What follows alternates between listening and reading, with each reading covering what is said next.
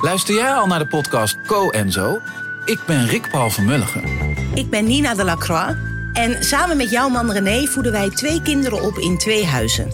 Co-ouderschap. We hebben het over alles wat je daarin tegenkomt. Maar ook over de juice tijdens onze kinderloze dagen, want die heb je ook in het co-ouderschap. Een podcast voor alle ouders in alle vormen, maar ook voor alle mensen zonder kinderen. Zijn we eerlijk, heerlijk herkenbaar. Dus luister naar Co en Zo in je favoriete podcast-app.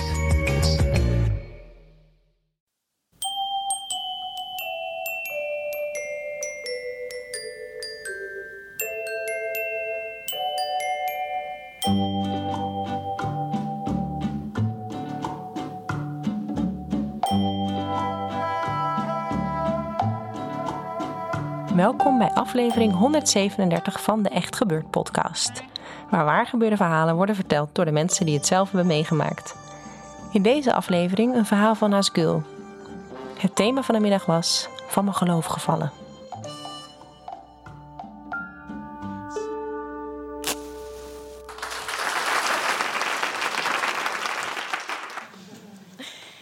Ik kwam net uit de gevangenis. Omdat ik één Bijbel had. En in Iran is het verboden om één Bijbel te hebben of uh, om zelfs over de Bijbel te praten. En ik had beide gedaan. Want uh, ik was uh, namelijk leraarskunst. En uiteindelijk eens ik wilde weten waarop de westerse schilderijen was afgebeeld. Ik heb een Bijbel um, stiekem weten te bemachtigen. En um, daardoor kwam er, er achter een de politie. Ik werd opgepakt, vastgehouden en met de dood bedreigd. Want in Iran staat uh, dodenstraf of uh, levenslang uh, op het hebben van een Bijbel.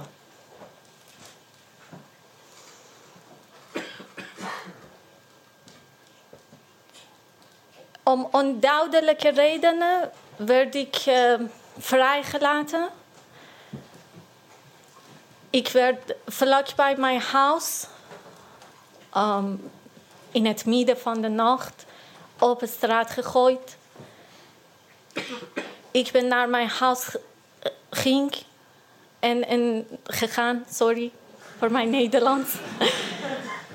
en um, een hele nacht gehaald en gebeden.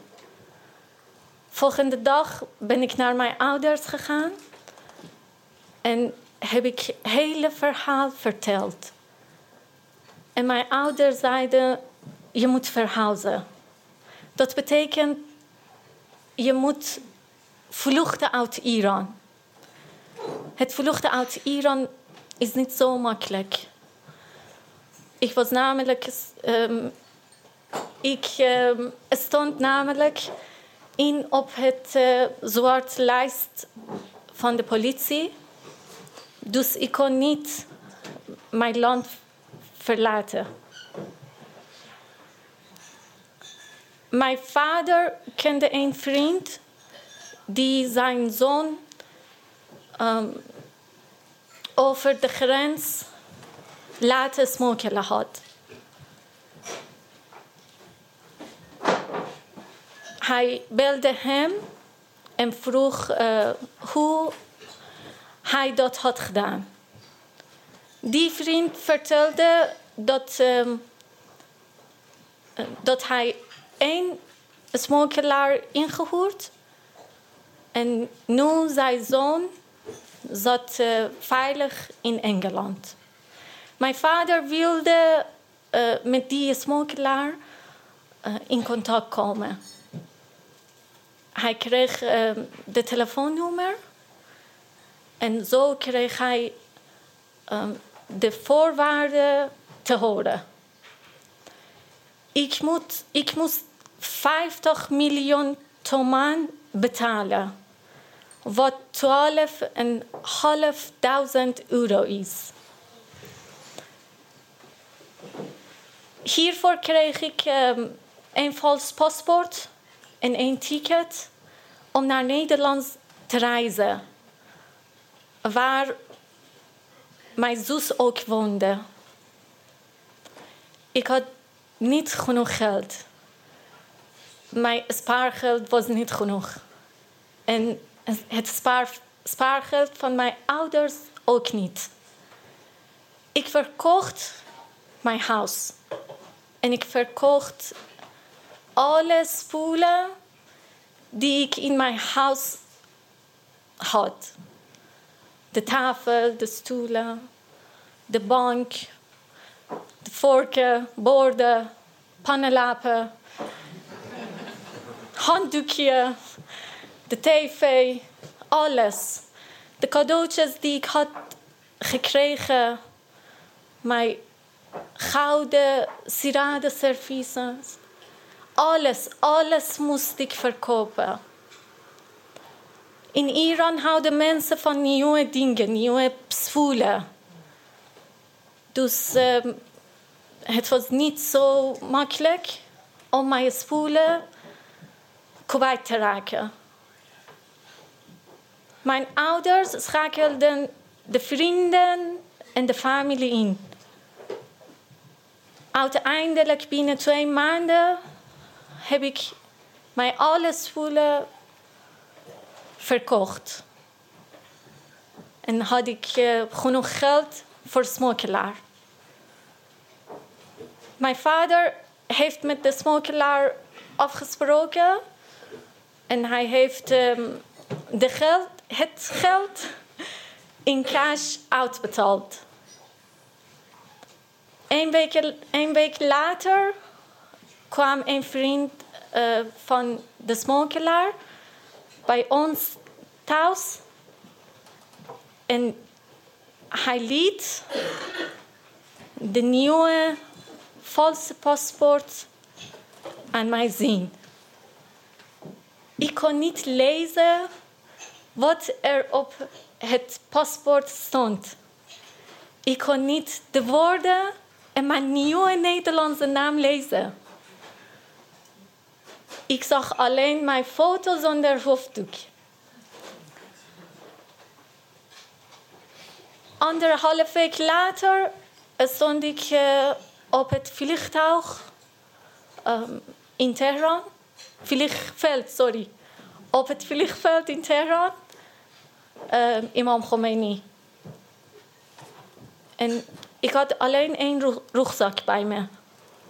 Met daarin een onderbroek, een spijkerbroek, een blouse, een kamertje, sokken, mijn knuffeltje Parisa. Zij is altijd bij me. En de Bijbel. Ik ben ik was alles voelen, ik was alles in Iran verloren. Mijn huis, mijn werk, mijn spullen, mijn geld, mijn vrienden, mijn familie, mijn ouders en mijn geliefde. Omdat ik de Bijbel wilde hebben. Dus de Bijbel moest mee.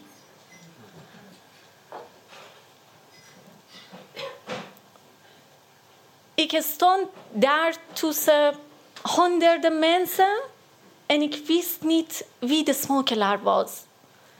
Maar de smokkelaar wist mij te vinden. Hij onder, onderhandigde mij uh, de val, het vals paspoort en het ticket. En ik moest in de rij van boarding gaan staan. Ik gaf mijn paspoort en ticket aan, mede, aan, aan Bali medewerkster. Zij, zij scande mijn paspoort, maar mijn gegevens kwamen niet bij haar op het scherm. Zij probeerde nog een keer. Nog een keer en nog een keer. Maar mijn gegevens kwamen niet.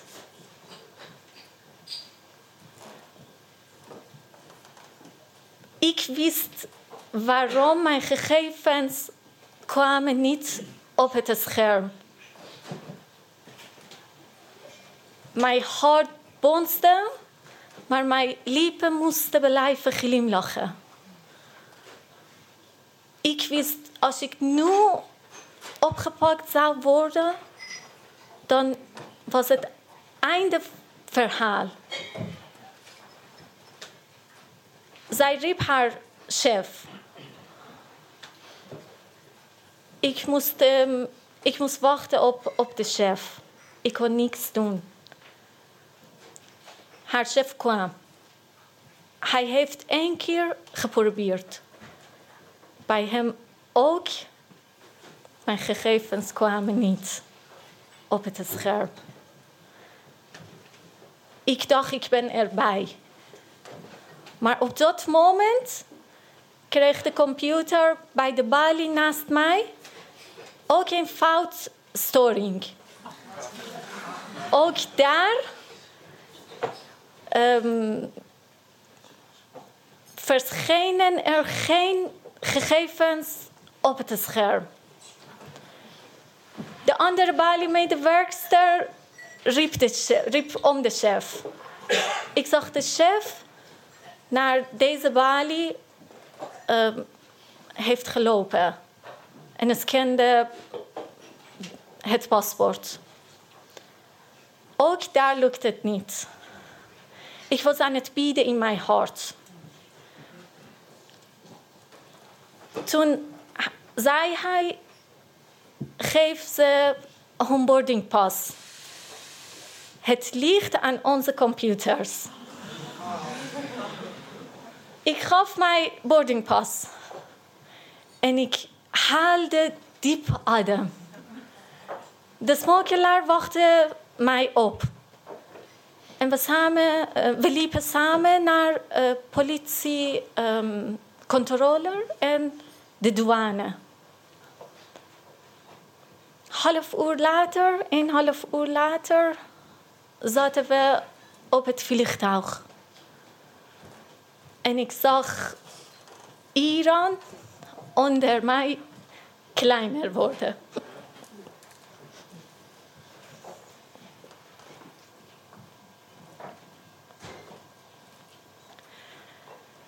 De hele reis heb ik overgegeven.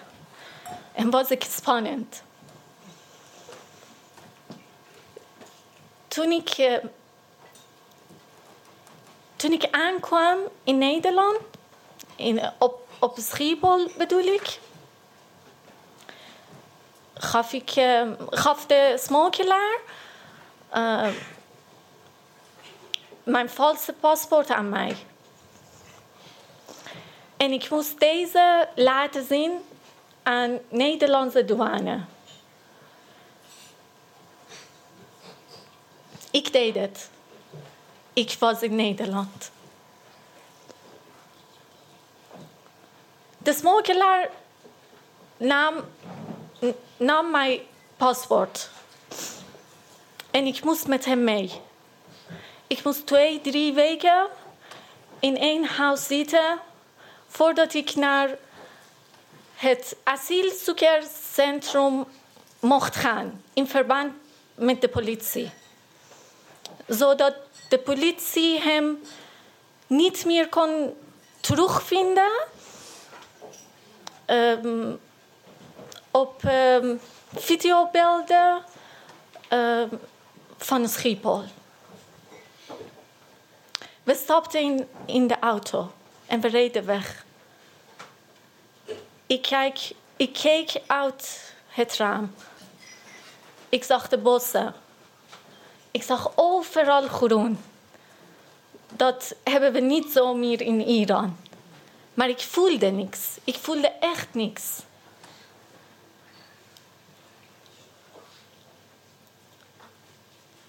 Zat ik, uh, ik zat twee weken in één huis. Ik mocht niet naar buiten gaan. ik mocht niet praten en ik mocht niet iets vragen of zo. Ik kon alleen mijn Bijbel lezen. Na twee weken gingen we naar mijn zus.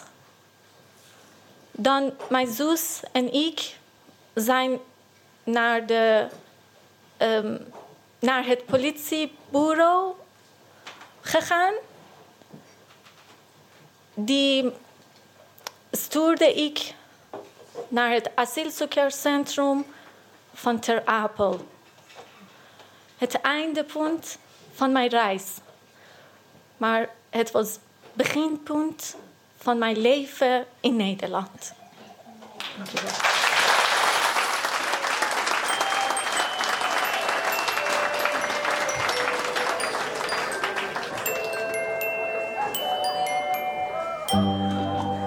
Dat was het verhaal van Nasgul. Nasgul is nu twee jaar hier in Nederland en leert sinds een jaar Nederlands. Er gebeurt wordt iedere derde zondag van de maand opgenomen in Comedy Club Toemler, onder het Hilton Hotel in Amsterdam. Wil je zelf een keer een verhaal komen vertellen? Ga dan naar onze website www.echtgebeurd.net. Daar staan alle thema's voor aankomende edities. De eerstvolgende editie is Oorlog en Vrede en daar zoeken we nog verhalen voor. Dus geef je op via www.echtgebeurd.net. De redactie van Echt Gebeurd bestaat uit Paulien Cornelissen, Micha Wertheim, Eva Maria Staal en ikzelf, Rosa van Toledo. De techniek is in handen van Nicolaas Vrijman. Bedankt voor het luisteren en vergeet niet dit verhaal. Vergeet dit verhaal nooit meer. Doei!